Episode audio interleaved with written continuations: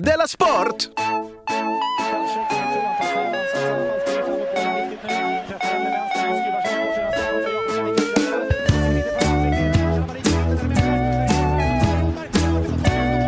Du lyssnar på Della Sport. Jajamensan, du lyssnar på eh, Della Sport eftersom det är fredag igen. Jag heter Simon Chippen Svensson och den andra idag är K. Svensson. God dag. God dag. Eh, hoppas att du mår bra. Eh, Ja. Det får vi säkert veta snart. Jag ska bara innan vi börjar meddela att förra veckans avsnitt hade ju lite ett tråkigt ljud då. Eh, ja, just det, Della Sport förra veckan. Ja, Det- så jag och Jonathan spelade precis nyss då in det avsnittet igen. Aha. Eh, Så nu kan man lyssna på det avsnittet för er som inte stod ut med att det lät som en dammsugare som stod på jättehögt hela tiden. Men det låter ju...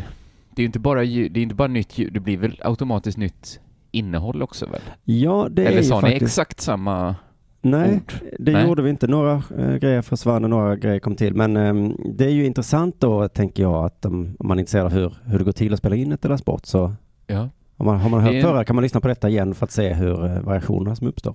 Märklig liten genre. Jag tror alla, alla som gör podd har väl varit med om det någon gång, att det inte blivit något inspelat till exempel. Ja, just Man har fått spela in allt en gång till. Och det... Min erfarenhet är att det alltid blir bättre. Ja, men det har Varför? väl sällan hänt att man släppt det första, utan det brukar ju bero på, Nej, det man är nytt. Det är nytt.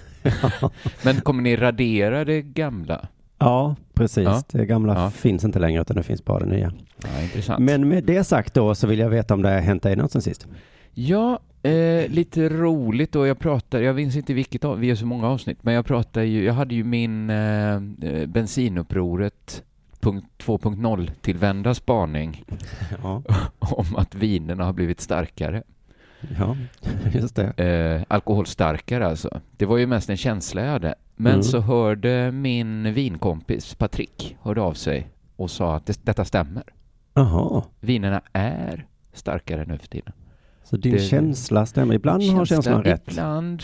Jag brukar, jag, mm, feelings are facts, som jag brukar säga för att Ja. reta Aron Flam. Då kan du ha detta som ett exempel då. då. Täppa Ja. till käften på honom. det, det, ska jag, gö- det, det kanske jag gör Mm. nästa gång. Om jag känner att vår relation börjar bli för bra igen. Ja, fan menar du att känslor inte fakta? Titta här då. Här har vi ett bevis. Men det är intressant, min känsla var ju också, den kom ju efter att jag hade druckit spanska viner. Ja, Och när det, kom, när det handlar om viner från gamla världen så är det framförallt spanska viner som ligger högt. Så även den liksom, mikrokänslan var också stark.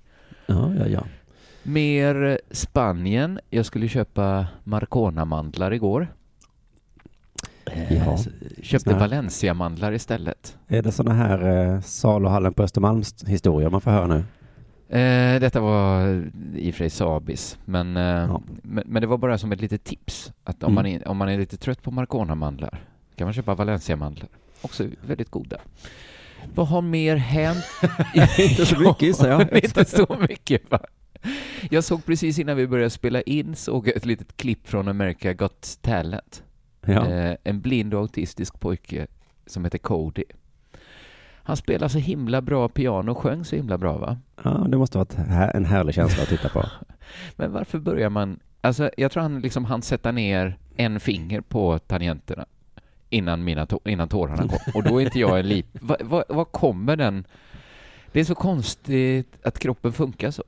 Att man ser en autistisk pojke spela piano, genast är kroppens känsla, nu måste jag vätska upp. Ja, det, Det- det är, är lite klappa på huvudet-känsla är det också. Varför skulle inte han kunna vara Det bra? hade väl varit om han spelade... Ja, men det är ju det att det är American Got Talent, att de är så jävla bra, de som ser ut... När det, det är ju det, vi har pratat om det förr, men när det är det avståndet. Man tänker, kan han liksom sitta på en pianopall? Och så, ja. Inte heller något som egentligen har hänt att jag har sett ett klipp. Jag har släppt tredje avsnittet av The Pine and the Elk, True Common, som finns på underproduktion.se. Just det, det är, var många som var inne på hemsidan igår. Och. Kraschar den? Nej, men det Nej, var var, verkligen Och bra. vad man ville se det. Mm. Ja, roligt att höra. Eh, det tycker jag fler kan göra. Och sen då har jag jobbat eh, med min vernissage och releasefest den 7 juni. Alltså inför Ah. det har jag jobbat. Så det, nej, inte supermycket har hänt kan jag inte säga. Så jag, nu är jag nyfiken på att höra vad som hänt dig sen sist. Och det, jävlar. Det, jag kan bara nämna att jag har suttit och webbat mycket eftersom em, den här betalväggen för Dela Pappa som vi har haft nu ett år, det har växt så himla mycket. Ja, Så jag är tvungen att byta servrar. Det det var roligt. Ja, okej, det är därför det inte kraschar, för att du ligger så ett steg före. Ja, precis ja. Det var ju vår nya webbmaster då som, som sa till, eh, sa, sa vi måste bygga om här nu. Så att, eh, det gjorde vi nu måndag tisdags och det funkade väldigt bra. Så att, eh, På vilket sätt är du med och bygger om? Han bygger baksidan och jag var tvungen då att ändra lite på framsidan. Ja, det låter bra det här. Ja. Gud, vilket stabilt företag. Ja, det är faktiskt det. Så att är du nyfiken på Dela Art och Dela Pappa så är nu en perfekt vecka att hoppa på. Eh, eh, på underproduktion.se. Eh, Ja. Allting har aldrig varit så lätt som idag. Men jag ska säga, det har hänt väldigt mycket för igår, onsdag, så var det en lite annorlunda dag för mig. Aha. För jag brukar ju vara på kontoret här på Grängesbergsgatan, Studio 4. Mm. Eh, Jag är sån kontorskille liksom. Här sitter jag och fixar med hemsidor. Ibland skriver jag bok, skriver Ja. på poddmanus. Ofta spelar jag in. Ja. Eh, har jag lite ja. tid över så går jag in i, i Studio 4 här och bygger om lite. Det finns alltid något att fixa med på kontoret. Vet Mycket du. att du bygger om. Ja. Framsidan, baksidan. Ständig förändring kräver jag i mitt liv. Men igår så åkte jag inte till kontoret utan då lämnade jag på dagis som jag brukar göra där vid, vid nio, halv tio tiden. Ja. Och sen så gick jag på medicinsk fotvård. Jaha. Och där träffade jag en riktig karaktär du. Men vad menar, vad finns det icke-medicinsk fotvård? Är det, Det- som Dr. Fisk när man bara stoppar Ja. fötterna i ett akvarium? Eh, hon nämnde thailändare fast eh, i Thailand då var det hon nämnde som icke-medicinsk. Alltså det var lite en kolonial blick på världen. Ja, lite grann. Men hon, eh, Ja. det, är, ja, men det är mycket diabetesfötter och sånt. De måste kunna medicin och sådär på de Jaha. ställena. Men, mm. Eh, men alltså den här människan som vårdade om mina fötter, så en underbar karaktär. Jaha. Helt fantastisk. Men det får hamna i Dela Pappa som vi ska spela in imorgon. Oh. För jag måste spara på alla historier, för det slutade inte där. Efter Nej. fotvården, åkte jag till kontoret då tror du? Nej. Nej, det gjorde jag inte. Ja, nej. Det var en helt ovanlig dag i mitt liv. Då tog jag tåget till Helsingborg Jaha. eh, och köpte det dyraste jag någonsin har köpt. Och då har du ändå köpt en lägenhet, en bil. Förutom lägenhet och bil. Okej, ja, okej. Det var ju typiskt. Så förutom det dyraste du köpt, så var det verkligen det dyraste. Ja, men lägenhet tycker inte jag riktigt man kan Ja, men räkna okej. Bilen visst. eh, Det ligger på andra plats då. Det näst dyraste jag köpt. Ja, jag kommer ihåg, eh, jag frågade min pappa en gång när jag var liten, vad är det dyraste du har? Ja. Och då sa han, eh, först sa han ju mina barn. Och då var jag inte riktigt nöjd med det svaret. det, det var, var eller, det var ju smickrande såklart, men, Mm. men jag var ju, och sen så sa han, ja men det är väl bilen då. Det kändes också väldigt tråkigt. Ja, visst är det. För det, Att det var det, att det är ju alltid det. det alltid Och huset och sådär. Men man vill, det är egentligen plats tre man är nyfiken på, efter hus och bil. Ja, just Vad är det. dyraste man har? Och många kanske kan ha en datamaskin kanske eller en... eh, Men de är inte så dyra längre Nej. väl? Eller Nej. de kan ju vara dyra. Fan också. Nu kom jag på att jag köpte en dator som var dyrare än detta också. Fan, Ah, det väl... Okej, Ja, men det kanske är plats fyra som är den intressanta egentligen. När man kommer ner på klocka, Ja. skor. ja, men precis. För hur dyra skor har du eller något sånt? Det är det man vill veta. Eller hur Och någon, man liksom. kanske har liksom renoverat ett badrum. Ja, Så är det det dyra som man köper Ja, ett ja, men om det svaret är en tavla eller sånt där, då är det ju intressant. Det är nog faktiskt det dyraste jag har. Ja, ja, ja. En Du har tavla. valt att lägga det där. Ja. Nej, men det jag skulle göra var jag skulle åka till Helsingborg för att hämta min, eller också betala för då, min eh, förlovningsring. Ah, För jag, just det. Det kan det också vara ja. Ja, för jag förlovade mig då första mars och gav bort en ring och nu då 29 maj så var det dags för mig. Eh, och det har varit en enorm process det här. Mm. Jag har tittat på hundratals ringsidor Ja, på internet. Jag har inte hittat en enda fin någonstans. om man ska ha den varje, varje dag. Gillade inte en enda, bara godat och tittat och processat och hållit på, hållit på, hållit på. Ja. Ehm, Så till slut så tänkte jag, då hörde jag av mig till han som gjort då min blivande frus ring, för den var väldigt fin. Mm. Det var ju en ring som din fru hittade på en sån här eh, auktion eller i alla fall begagnat ställe. Ja, Eller vad, vad det nu kallas. auktion.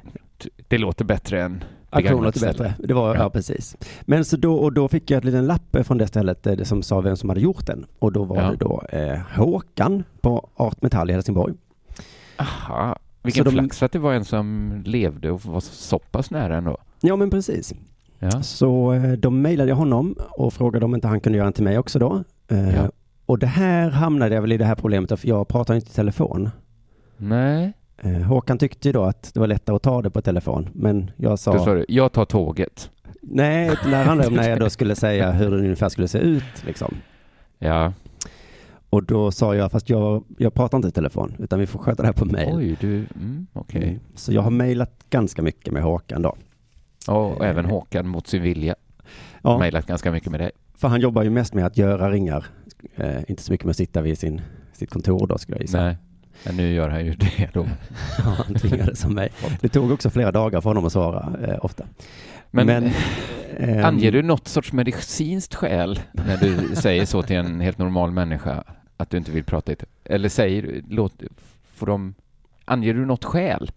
Nej, Nej, det tycker jag inte nej det är inte ditt krävas. jobb. Utan, nej. Jag Men jag visste ju i huvudet ungefär hur jag ville ha den här ringen då. Eh, Ja, Och det var därför folk hade så svårt att hitta på de här ringsidorna som jag letade efter. Att det fanns inte som den här målbilden jag hade. Ja. Eh, så att jag fick mejla fram och tillbaka, liksom väldigt mycket beskrivande. För Håkan vägrade liksom fatta också. ja. Alltså han, eh, han, han ritade då, eller i sånt här program då, skickade han någon, så, så här ungefär. Och så blev det Ja. så, ah, mm, det var inte så jag sa, inte alls faktiskt. Jag tror att han ville ha någon slags artistisk frihet. ja, ja, just det, att han inte bara är din slav. Nej, precis, det måste ha varit något sånt. För att jag fick säga så, ja men inte så då. Och sen så till slut så landade vi liksom någonstans och Ja. eh, jag kände att det, det blev inte precis som jag ville.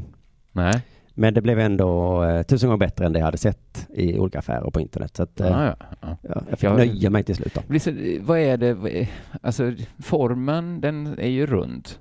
Vad är det du, vad är, liksom, hur kan ni hamna så långt från varandra? Ja, men jag, jag, ska, jag har en sten och eh, några små diamanter. Så det är hur man placerar dem. Och jag tror att han liksom kunde hävda då att stenen kan inte vara så, för då trillar den av. Det är det argumentet de eh, kan köra, ja. Ja, De kan säga så, det är tyvärr omöjligt. just det. det går, det finns inga möjligheter. Nej. Och då har jag ju svårt. Jag tror inte det hade hjälpt på telefon heller. Men eh, jag kände mig hyfsat nöjd i alla fall eh, och eh, åkte till Helsingborg. Gick då längs, ehm, eh, de har liksom som ett gågategytter eller vad man ska kalla det. Att det är liksom många små gågator där. Mm. Och då tänkte jag det, har alla städer i Sverige utom Malmö sådana här låtsasgemytliga gågator? Varför är de låtsas? Jag tror att de ska försöka se ut som liksom Gamla stan eller Ja, ja, Haga. ja, ja. Men Ja. man, man ser att det är inte riktigt så. Men det är ändå, jag går på det. Eller det, det, det duger för mig. kanske det inte finns något sånt, nej. Nej, Nej, det är väl Gamla Väster, men där finns ju inga affärer eller någonting tror nej, jag. nej, nej. Fan. nej, det är mer bara gator. Så jag tyckte det var väldigt fint där i, Helsingborg. Ehm, Det är en fin stad, ja. mm. ja. Sen så gick jag då in där och köpte då den fjärde dyraste saken jag köpt. Man kan väl säga så här då, att det kanske är den dyraste saken jag köpt på en gågata. Mm, men det är inte så... Det, det är en väldigt konstig liten sport. Jo, men det har med saken att göra för att det här är en spaning då som antagligen är jättegammal. Men så Ja. här är den då. Om man har köpt något dyrt Mm. så måste man fika efteråt. Ja, ja. Känner du till det här? Att man får Nej. sånt himla sug efter att fika. ja. Man blir lite... Eller kanske ta en... Man blir... Ja, jag, jag känner igen... Man får en liten endorfinskjuts. Ja, just det. Man vill man liksom... vill fira. Man blir, man blir, väldigt, man blir väldigt glad. Mm. Det är, jag och Jonathan i förra Della Arte pratade vi om att blota. Att man blir liksom väldigt upplivad av, av att offra någonting som betyder något för en. Ja. Och köpa något väldigt dyrt, det är ju liksom att göra av med väldigt mycket pengar. Aha, det är hänger lite samma... lite. Jag kan ju få... Ja, men jag köpte då det fjärde dyraste jag har som kanske är en tavla då. Mm. Jag fick liksom någon sorts sjuk kick av det. Alltså Ja. den här liksom, att det är lite irrationellt att blota sin favoritkeps. Det är lite, det går inte riktigt att försvara att köpa en så dyr tavla kanske. Nej, just det. Man Det är väl det som är- jobba. Det är därför det finns shoppingberoende då, antagligen. Att Ja, kan, det är samma som dopamineffekt kanske. Ja, men jag får det, alltså, det pirrar till i hela kroppen Ja. på så härligt sätt. Och han då som eh, gav mig ringen, han eh, la en liten låda då. Eh, Mm. Så att jag hade liksom lådan i min väska. Så jag kände att jag måste ju ta på mig den här. Jag kan inte bara ställa mig på stan och plocka upp den här dyra ringen. Utan jag måste sätta mig ner och göra en liten ritual nu. Ja, ja, ja, ja, ja, ja. Så då gick jag in på Waynes Café som låg i närheten av centralen. Ja, Eh, och tog på ringen. Kände mig väldigt fin i min diamantring då. ja, ja det förstår Eh, jag. Tyvärr eh, så var jag tvungen, och jag måste också berätta det här tyvärr, eh, jag var tvungen att gå på toaletten va. Ja. Så att jag skyndade mig upp för trappan för att gå på toaletten, men då har de sån jävla kod. Jag hatar kaféer som har kodtoa. Det är så himla snålt. Ja, den låg också. Fan, Vad är risken att någon går in och använder den? Ja, verkligen. Så då fick jag liksom gå ner för trappan, beställa min enkla espresso och Ja. be om koden. Ja. Och då slog det mig, vad ska jag göra om min enkla espresso nu när jag går på toa? Ja. Jag, ska Ja. dri- jag vill inte dricka upp den för jag vill ju sitta och njuta lite. ja. Så då Och fick den jag ta med mig. Nej, min nej, jävla nej, enkla nej. espresso hit på toa. Men det av alla valen så var det det sämsta tycker jag. ja, men man kan inte heller ställa en enkel espresso utanför, eller? Vid ett bord där du ska sitta. Ja, Den hinner ju bli kall i och för sig kall. Och någon skulle säkert ta den. Alltså personalen kanske. Jag skulle nog inte... Varför kunde du inte bara bett om koden och Ja. sagt sen kommer jag och ska dricka en enkel espresso? Det hade kanske varit det bästa, men då, Det då skämdes jag lite över det, att så gör alla som ska stjäla toalett. Ja, ja, ja, ja. Så att, eh, men det Ja. var ju där eh, problemet uppstod då. Men då kom jag in på toaletten, då var en liten avsats där jag kunde ställa min enkla espresso. ja. Men det blev en väldig kontrast där, va? för det var också en ganska ful eh, och lite ostädad toalett. Ja. Där jag kände mig så himla fin i min diamantring. Och så Ja. går jag in på en offentlig toalett med en espresso. Så att jag var, jag var fin och ful samtidigt kan man väl säga. ja, just det. Men eh, nu är jag bara fin här i, i, i min jättefina ring. Men nu är det dags för det här.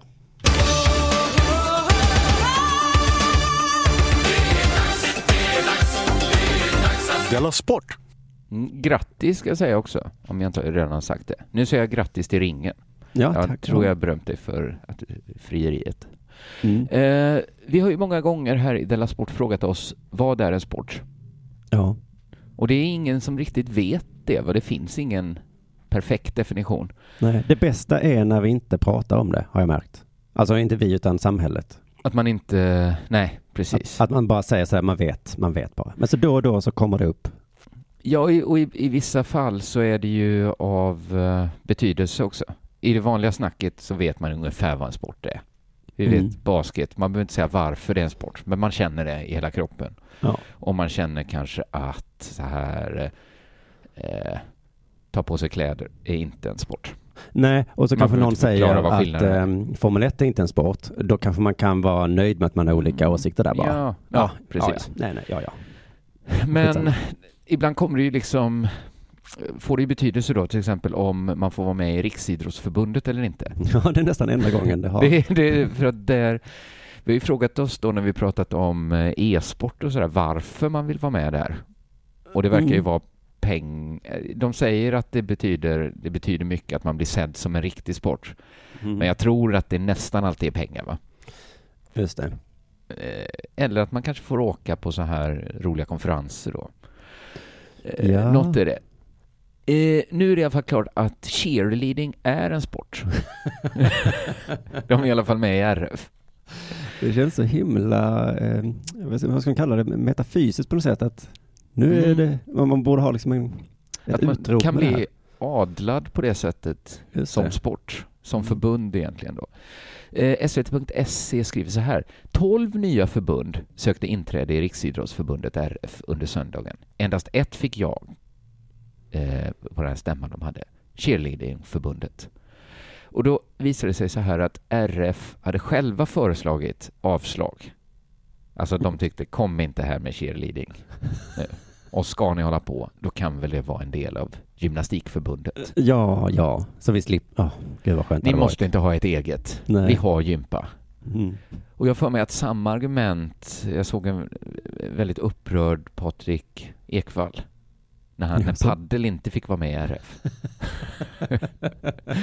och då sa RF att hallå, det finns tennis, det finns squash. Ni kan vara med i de förbunden. Det är ju exakt samma sak. det finns pingis. Ja. Men då skulle man ju också bara kunna vända på det att ja men det finns squash, det finns tennis, det finns pingis. Varför inte paddel då? Just det. Fan, det är... det- Jag Men tyckte först det stå- var ett jättebra argument, men man kan bara säga Ja. spegel. Ja, stå och slå mot en vägg, ska det vara något? Ja, säger Ja. paddel. Men då kommer ju racketboll och ska också in. Det, det, det blir ju, någonstans måste man. Men då, då, jag orkar inte leta fram den här artikeln, men, men jag får mig att Patrik Ekwall då sa att men hallå, det finns två tyngdlyftningsförbund. Oj. Okej. Mm. Men jag, och här är liksom bara mina vilda gissningar men, men, och min känsla då som visat sig stämma väldigt ofta. Men jag får känslan att förr så var det liksom bara att gå ihop några killar och så fick man vara med. Man kanske introducerade en ny sport i Sverige. Och så Mm. liksom fick man vara med i RF. Och så Jag tror att de har kommit så. på nu att problemet är att det är svårt att ta tillbaka sådana beslut. Ja, ja, det blir ju konstigt. Eh, Kanske ett av tyngdlyftningsförbunden. Eller att slå ihop dem. Men jag tror det är lite konstigt att slänga ut pingis nu. Ja, nej, har man tagit ett så är man fast för det resten av livet sen. Så att, Precis, men nu hade de liksom tänkt vara hårda så här, vi kan inte hålla på som vi gjorde 1910, att bara alla får vara med. Nu säger vi nej till cheerleadarna. Men plötsligt hände något på riksidrottsmötet i Jönköping och omröstningen gav grönt ljus för cheerleadingen. var det att någon hade ett jättebra argument? Ingen vet. Plötsligt hände något som gjorde att nej gick till ja. Men vad? skriker man mot sin data. Plötsligt hände något. Mm, vad, vad bra att vi fick veta det, att det hände något. Hur startade andra världskriget? Ah, Plötsligt hände något. hände något. Från ingenstans hände något. Tänk om man skulle granska annat så slappt. Vi hade ett val, ingen fick egen majoritet, sen hände något och sossarna fortsatte regera. Men, vänta.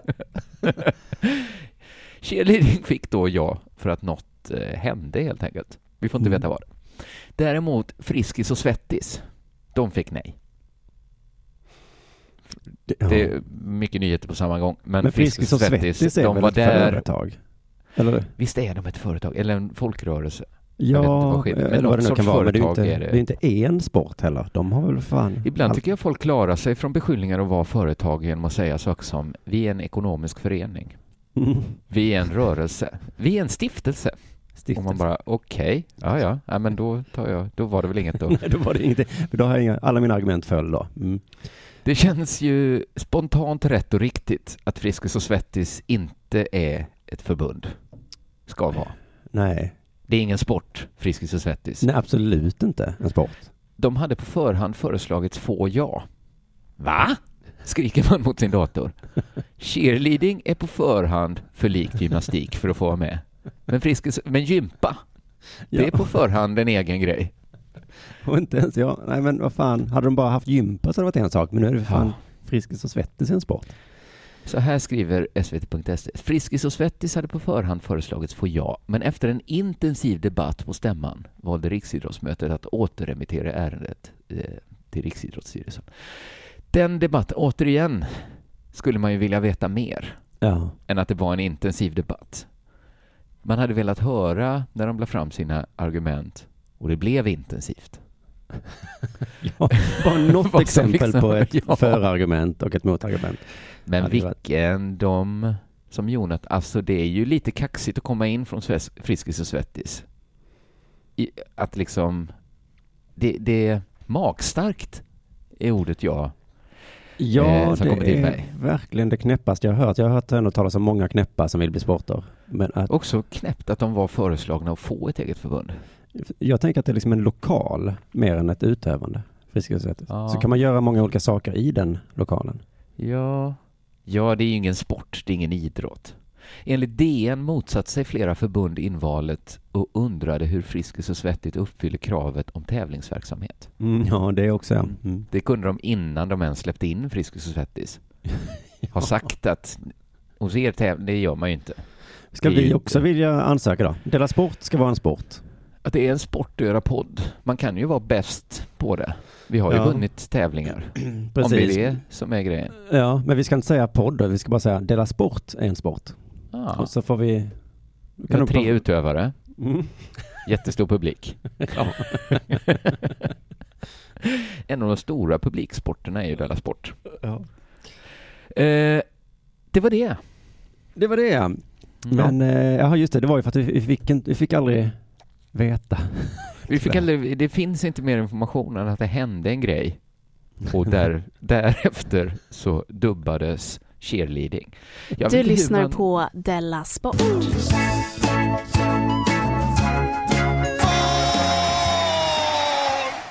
Du, eh, här är en eh, nyhet med mycket information i. Mm. Eh, när tioåringar spelar ishockey Ja. så sitter det företag på läktaren. Aha. Alltså människor från Ja. företag. Ja. representanter från ett företag eh, och betygsätter deras förmåga, alltså hur bra de är på hockey. Detta för att kunna bjuda in de bästa till kostsamma läger och turneringar. Alltså, men det är liksom någon sorts företag, idrottsföretag i alla fall. Ja, precis, som anordnar då läger då för eh, unga hockeyspelare. Eh, ungefär som Sören Ferdinand kan man väl tänka sig då, att de sitter Just där på det. läktaren. Det låter Verkligen. väldigt ambitiöst. Ja, verkligen. Alltså förr tror jag att man frågade kanske tränaren. Vilka är Ja. bäst? Vilka tycker du skulle vara med? Ja. Men ja, ja. Och sen då, så att egentligen, men det, så det här är väldigt ambitiöst och det är också lite konstigt att, jag fattar inte hur företaget tjänar pengar heller riktigt, men det är, Nej. det är en annan eh, nyhet. Eh, för att egentligen är det här inte så himla konstigt då, men eh, det fortsätter. Verksamheten får kritik av Svenska ishockeyförbundet och kan till och med bryta mot barnens mänskliga rättigheter. Alltså FNs deklaration. Ja, Det här kan inte stå.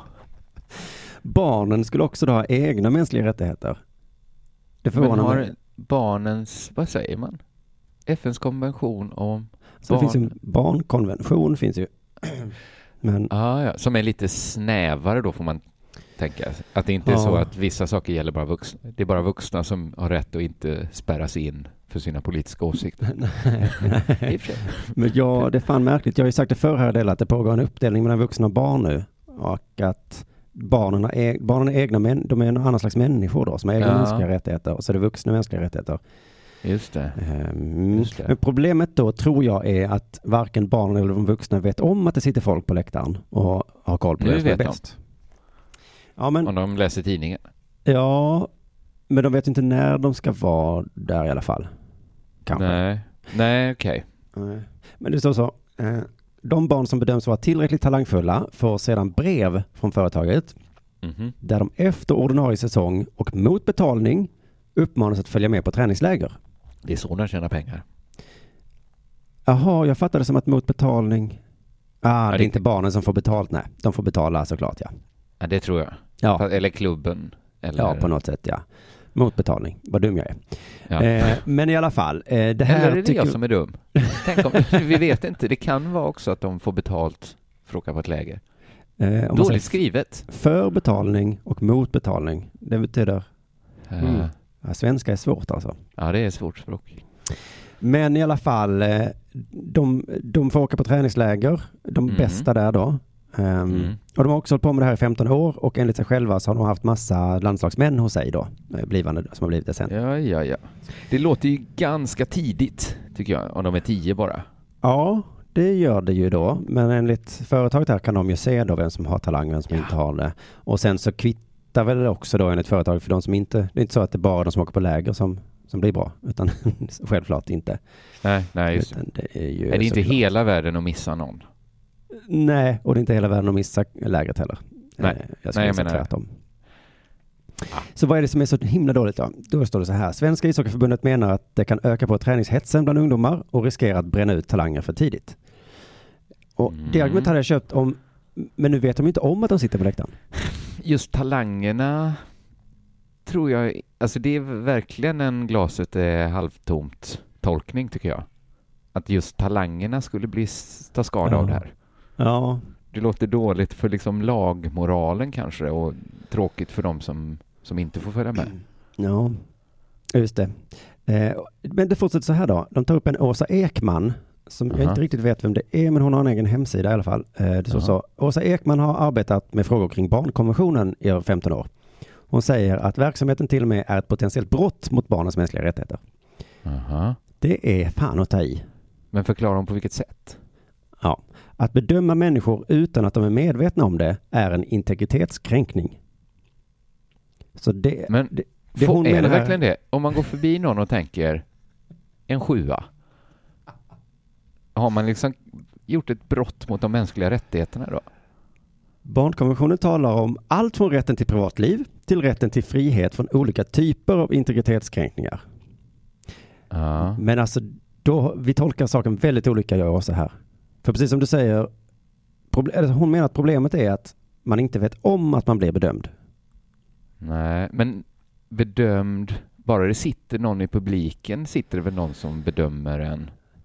Ja, det är väldigt svårt att inte bli bedömd om man håller på med någonting ju. Ja, Eh, om, om någon vi vet ju inte men det känns ju som folk sitter och bedömer en lite när de lyssnar på ett poddavsnitt. Ja, vi kan komma till det för hon har Ja. faktiskt det som exempel sen. Ja. Eh, Aftonbladet ställer då den bra frågan som är så här. Varför är det, varför är det ett problem? Mm. Då säger Bra Åsa, fråga. Ja, då säger Åsa, det är bara att tänka efter själv. Hade vi vuxna velat bli bedömda på vår arbetsplats eller i vårt kultur och fritidsutövande utan att veta om det? Mm. Jag tror att det händer som du var inne på nonstop. På något sätt blir man bedömd utan att veta om det. Precis, men man får skilja på systematisk bedömning då. Den här, att det finns en, nej, jag vet inte. Sen är det ju också bara de, de bra som får reda på det. För det är bara de som får brev sen.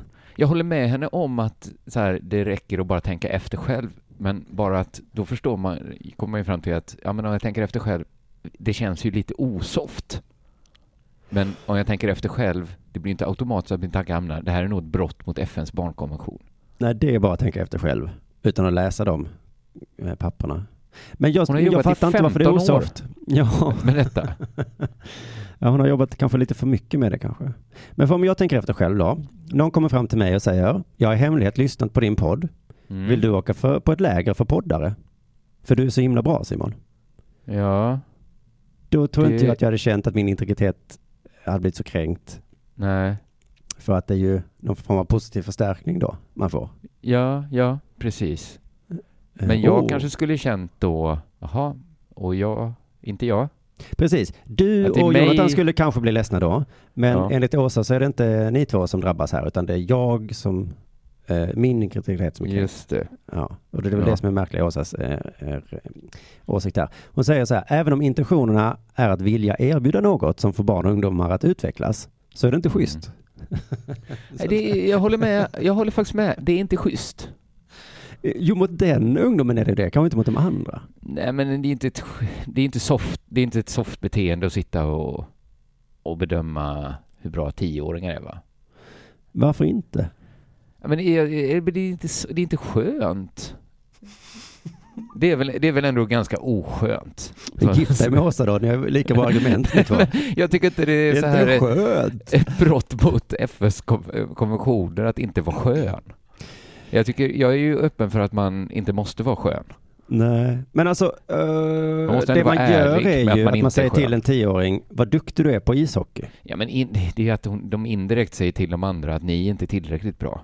Ja, men, Men, precis. alltså, men, men skilj då varje- på att Åsa tycker alltså att det här är integritetskränkande för den som får komplimangen. Ja, det är ju konstigt. Jag tänker ju på skuggkomplimangen då, Ja, som kommer Eh. med den.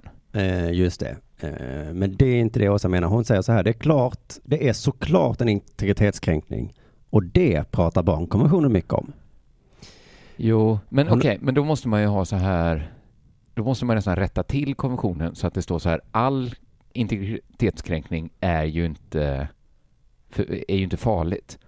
Man kränker ju Nej. sitt barns integritet varje gång man säger så här, ja men min dotter kan inte välja kläder helt själv, för hon tar för varma kläder. Det är ju ändå lite integritetskränkande att hon som människa inte får ta på sig vad hon vill. Ja, just Det det. får ju jag. och, men- och, precis, men det är inte hela Man får ju världen kränka då. barns integritet. Ja, det måste man få lov att göra då ja. Ja. Men alltså att barnkonventionen eh, pratar mycket om att man får inte säga till ett barn, gud vad bra du är på ishockey. Fan vad bra, jag Nej. tror du kan bli något. Det, där är de tydliga då. Har du tjuvkollat när jag spelar eller? Hur fan vet du att jag är bra på någonting? Jag kanske Ja. inte ens spelar hockey. Jo, Nej. du. Jo, Det jag har jag sett nog sett. Jag har sett hur, hur, bra det är att du kan åka baklänges. Vad fan, lägg av! Jag kan inte åka baklänges. Lobba. Jo, du kan lobba.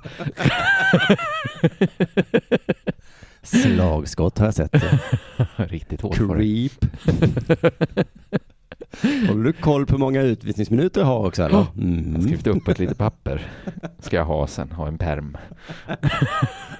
Och hur många minuter har jag varit inne på isen under match? Ja, då. allt Då sånt. Har byter genomsnitt eh, var tredje minut. Aftonbladet Ja, ställer även frågor till företaget som bjuder in barn till en sån här camps då. Eh, tycker du att det finns en relevans i att fråga barnen och deras föräldrar innan, innan du bedömer dem? mm, Så finns det relevans i att fråga innan man så att säga bedömer ja, någon? Det är en, också en svår svensk mening.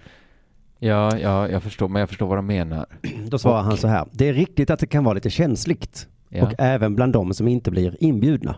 ja. framförallt de tror jag. Ja. Och det är väl, men det gissar jag är själva anledningen till att man inte gör en stor grej av att de kommer och tittar. Ja, just det. Just det. Men sen kommer ju inte barnen som blir inbjudna hålla käften om det ändå. Nej, de, de borde kanske då få skriva under ett eh, kontrakt då. Sen säger du inte det här till någon i ditt lag. Konstigt läge. Var har du Det- varit? Nej, ingenstans. Ja. Jag var på semester med mamma. Det är också lite vanskligt som barn tror jag att följa med någon som säger så här, du kan följa med mig, du får inte berätta för någon vad vi ska göra nu. Inte, inte någon ska få veta, det här är vår. Nej, det är såklart omöjligt. Men, men så det är väl snarare relevans. Det är ju, är ju verkligen relevant att inte berätta innan man bedömer dem då, tycker jag. Mm. Så att just Ja. det tycker inte jag borde vara ett problem. Sen börjar han försvara sitt camp då utifrån att, eh, att, det, att de kanske inte väljer rätt personer alltid. Och Nej, att, och att barn kan bli bra även utan att vara på hans camp och bla bla bla bla bla. ja, det, ja, ja. det, det det, förstår vi ju, Ja, det förstår jag att det inte är ett magiskt camp. Sen får då Aftonbladet, som då visserligen skrev ut allt det här skitsnacket i artikeln, de får ställa samma fråga igen för att komma tillbaka till själva frågan. Ja. Eh, men förstår du frågan om det är lämpligt att bedöma barn som inte bett om det? Det är det de kommer tillbaka Ja. till hela tiden, att de har inte bett De har inte bett om det. att bli bedömda. Nej. För att jag kände då när jag läste det att jag bryter mot barnkonventionen hela tiden då när jag säger att mitt barn är duktig och så. Ja, just det. Du tog av dig jackan själv, vad duktig du är. Han har inte bett om. om det. Nej, sådana beröm eh, tenderar ju att inte vara så mycket värda. Nej, när man har bett om Ja. det. Nej. Var jag duktig? Eller snarare, snälla säg att jag var duktig nu. Okej, du var duktig. Ja. Då, eh, för liksom så, eh, är det lämpligt att bedöma barn som inte bett om det? Är alltså frågan. Mm. Och då får han då svara, jag hör vad du säger, Ja. men framför allt. Under alla år så har många blivit mycket glada och peppade på att bli uppmärksammade och sedda. Att bli sedd, det är ett av våra grundläggande psykosociala behov. Ja. Tänk att man måste förklara det för folk. Ja. Varför sa du till ditt barn att du älskar honom? Han har inte bett om det. Nej. Jo, men du vet, förstår, att ett- bli sedd, ehm, det är ett psykosocialt behov, så det är därför lite grann som jag... Och sen så gör jag ju det också självklart, så att det är ju... Jag hade, jag hade ju kunnat hålla käften, det... det, det, Det kan man använda ofta det där. Mm. Att det är ett psykosocialt behov att bli sedd. Om, någon, ja, men det är faktiskt, om man har pratat för mycket på fest eller någonting och någon, Ja. någon påpekar det. Fan vad du eh, pratade mycket igår. Jo, jo. Jag har ju Men- sådana psykosociala behov. Du kan inte ha mig. de psykosociala behoven. Det gör ju dig nästan till lite psykopat faktiskt. Ja, ett monster. Ja, Ja, ja. Och så ja. Då efterlyser i sin tur då barnens röst i verksamheten. Mm. Får hon säga så här, den kanske viktigaste aspekten är ju barnen själva. Vad tycker de? Mm. Här verkar just barnens egna viljor och åsikter ignoreras. Aha. Eh, så då undrar jag, ja, vilka är nu barnens viljor och åsikter igen då? Men har barnen sagt att de inte vill det här och så gör de vuxna det ändå? Mm, Eller är det ja, att ingen har frågat barnen? Nej, enligt Åsa då så hänvisar hon till forskning. Forskning visar att barn och unga själva inte alls vill bidra till tränings eller tävlingshets. Så jag gissar alltså att företaget skickar brev till ett barn där det står Hej vad duktig du är, vill du bli ännu duktigare på ishockey? Så du vill du med på ett camp? Då Ja. svarar barnet Ja, fan vad fett, tack så mycket, äntligen. Ja. Då borde företaget svara ah, nu sa ju du ja, men Ja. forskning visar att du tycker nej, Ja. så du får inte. Det är det som är så lurigt med forskning, Ja, det är... Mm. att det ofta är det man inte tror att det är. Ja, ibland. Forskning ljuger ju inte här. nej. Så avslutar hon då med sitt bästa argument, såklart. Jag tror det är svårt att hitta argument för att det här ska vara i enlighet med barnkonventionen. Ah, jag tror det går. Om man anstränger sig. Jag tror lite också att det är svårt att det inte står att barnkonventionen nämner inte sådana privilegierade ungar Nej. som har tid och råd att åka på hockey hela tiden och som dessutom är duktiga på det. Att de då skulle vara med. Synd, att det skulle vara synd om dem då på något sätt. Det sitter ju säkert något barn och får höra om det här. Som känner så. Vad sa du att de gjorde, sa du? Att det, att det liksom, det är ju inte för de här det är, den är framtagen, barnkonvention. Nej, nej. Att vara så. Har ni tänkt på de här ungarna som vars föräldrar lägger väldigt mycket tid och pengar på dem? Att vi kanske ska tänka på dem rätt mycket. Det här låter ju mest som en liksom, fråga för ett en, en, så här lokal hem och skola-förening mer. Att vi liksom, hur gör vi med, alltså det, det, det är liksom av, så här, hur, ska, ska, ska vi ha mobiler? Köper ni mobiler till era barn? Hur, Ja. hur ska vi tänka där? Ska vi ta ett gemensamt beslut? Alltså att det varit konstigt och då kommer man liksom dragande som FNs barnkonvention och drämma i skallen på folk. Åsa verkar Att- väldigt jobbig på det sättet ja. Att hon ja, ofta att, återkommer till det. mardröm att ha på ett föräldramöte. Mm.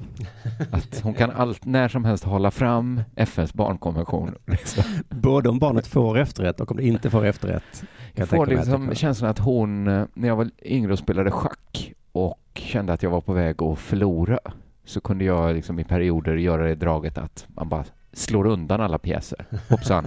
Oj då, nu kommer vi aldrig komma ihåg hur de stod. Att hon använder FNs barnkonvention lite på det sättet. Att Ja, nu har Det kanske blir så om man jobbar i 15 år med då FNs barnkonvention. Hon ska man, byta jobb. Ja, det är nog dags va? Ja. Det är du, har du fler grejer förresten? ja, men jag fick ju ett tips av dig om en artikel på Expressen. Och redan där borde jag ju dratt öronen åt mig. Varför tog han den inte själv? Ja. Men, så läste, den var ganska lång. Den handlar eh, om Riksidrottsförbundets ordförande Björn Eriksson. ja, det var lite därför jag tänkte på det, för du har pratat mycket om honom.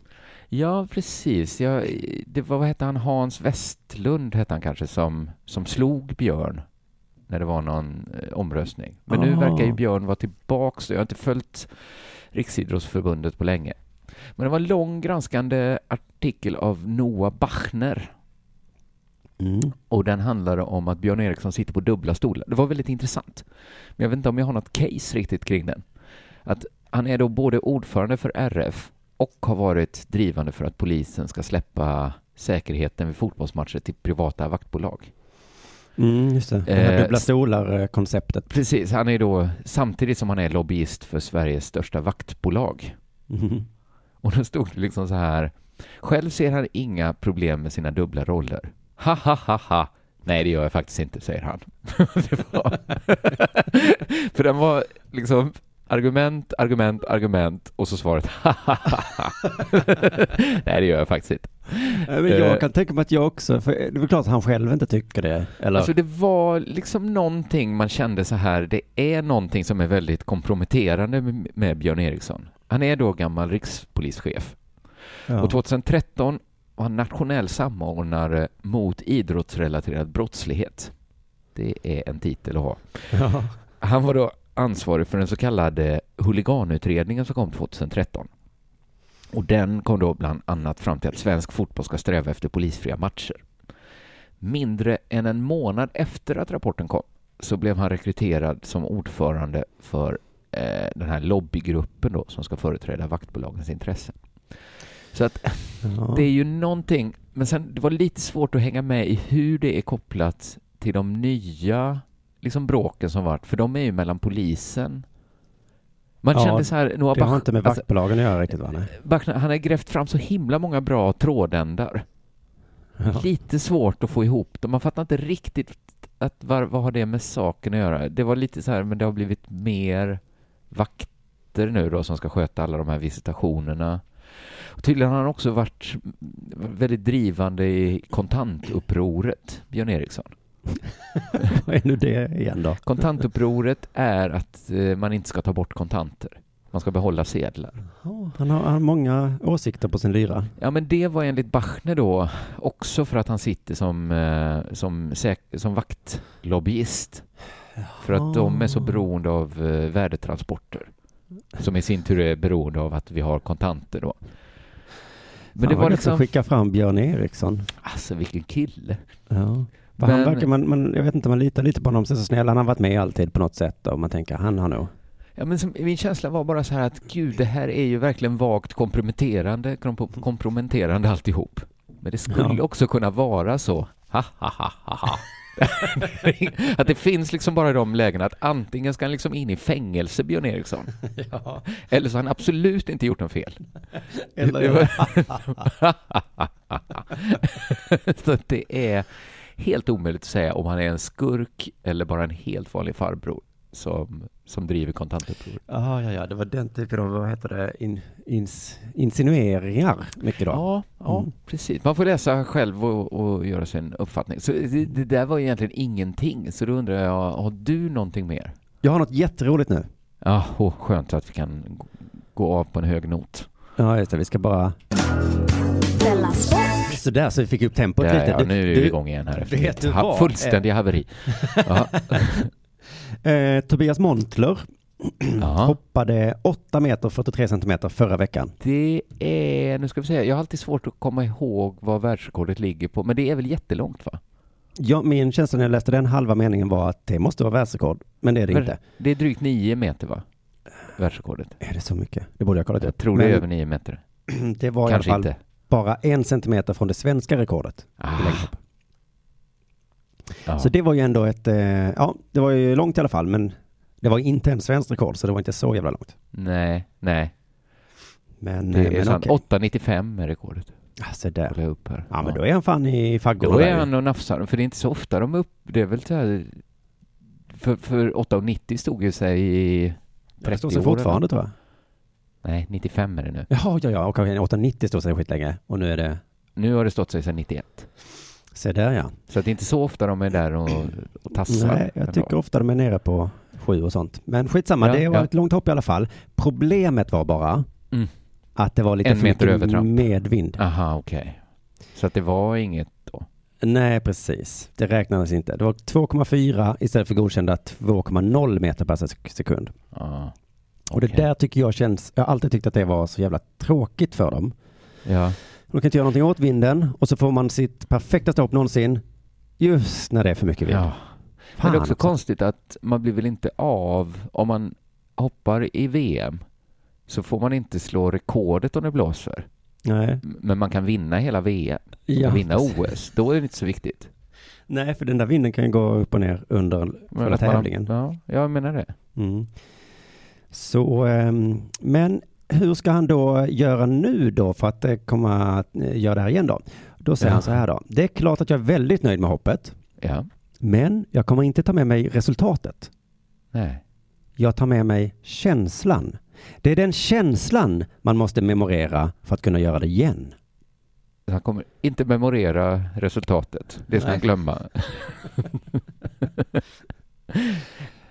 Och Ja, då ställer Sportradion en väldigt bra fråga. Ja. Vad var det för känsla Mm.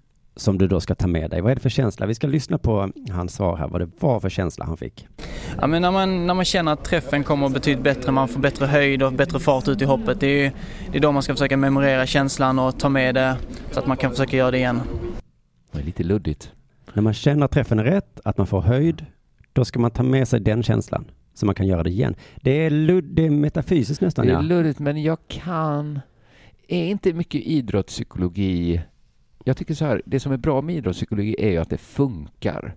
Ja, man behöver inte Eh, veta hur. Man Men det bara, är ju ofta, är det väl typ the secret man lär ut. Alltså föreställ dig att du svävar över ribban Mm. och så funkar det lite bättre. Men det är väl exakt som det är, att föreställ dig att du blir miljonär och så blir du det. Ja, fast det funkar bättre i idrotten verkar det som. Ja, ja. ja. Eller så gör det inte det för att alla kanske håller på. Jag tror ju att The Secret funkar lite.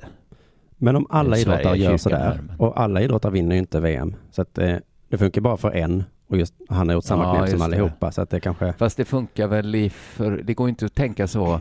Nu föreställer jag mig hur jag springer, hur jag liksom eh, är, är mycket bättre än de andra. Man kan ju Nej. bara vara bättre än vad man själv brukar vara. ja just det. Ja. Ja, och det är ju ofta det med det.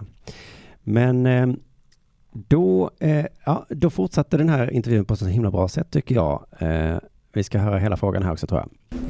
Hur är det möjligt att du fick den känslan då? Bra fråga. Det har varit en bra träningsperiod jag har haft bakom mig nu och eh, allting har kunnat gå som planerat så antagligen därför. Så hur, hur, fick, hur kunde du få den här känslan som var så bra? Men det är konstigt att de väljer... Man blir inte klok på när de väljer att pressa någon. Varför han ska kan de inte bara släppa och hans känsla liksom? Den här känslan. eh, Hur ser atomerna ut som den består av egentligen? Den du ska ta med dig? Ja, nej, man, man kunde är- faktiskt släppt honom där. Men Är så kopplad är till ju... jaget eller?